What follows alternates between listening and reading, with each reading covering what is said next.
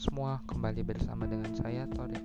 Dan kali ini saya akan membawakan tema yang berjudul Keberuntungan bisa didesain, kemenangan bisa digenggam. Nah penasaran kan gimana maksud dari ceritanya? Makanya tetap stretching terus ya di podcast teman-teman. Oke, keberuntungan bisa didesain, kemenangan bisa digenggam. Setiap tahun saya selalu sangat berusaha mengejar malam Lailatul Qadar sudah mulai di setiap hari. Kok setiap hari? Iya, saya selalu baca surat Al-Qadar setiap hari dalam sholat. Saking seriusnya saya mengejarnya, itulah cinta. Cinta sama malam seribu bulan, ya harus dikejar. Cinta sama Rasulullah, ya harus rajin sholawat. Cinta sama Allah, ya harus ikatan perintahnya atau ikutin perintahnya. Jauhi larangannya.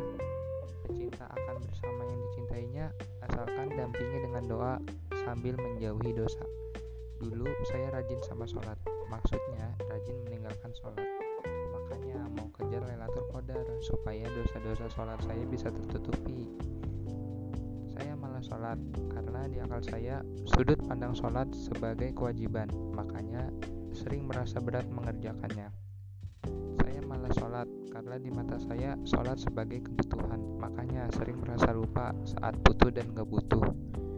Ternyata setelah saya memandang sholat sebagai kecintaan, saya jadi bisa menemukan nikmatnya, seperti mencintai orang tua, seperti mencintai pasangan, seperti mencintai anak, dan orang tua, pasangan, anak akan pergi meninggalkan kita di makam nanti. Sementara kecintaan sama Allah beda, dia tidak pernah pergi.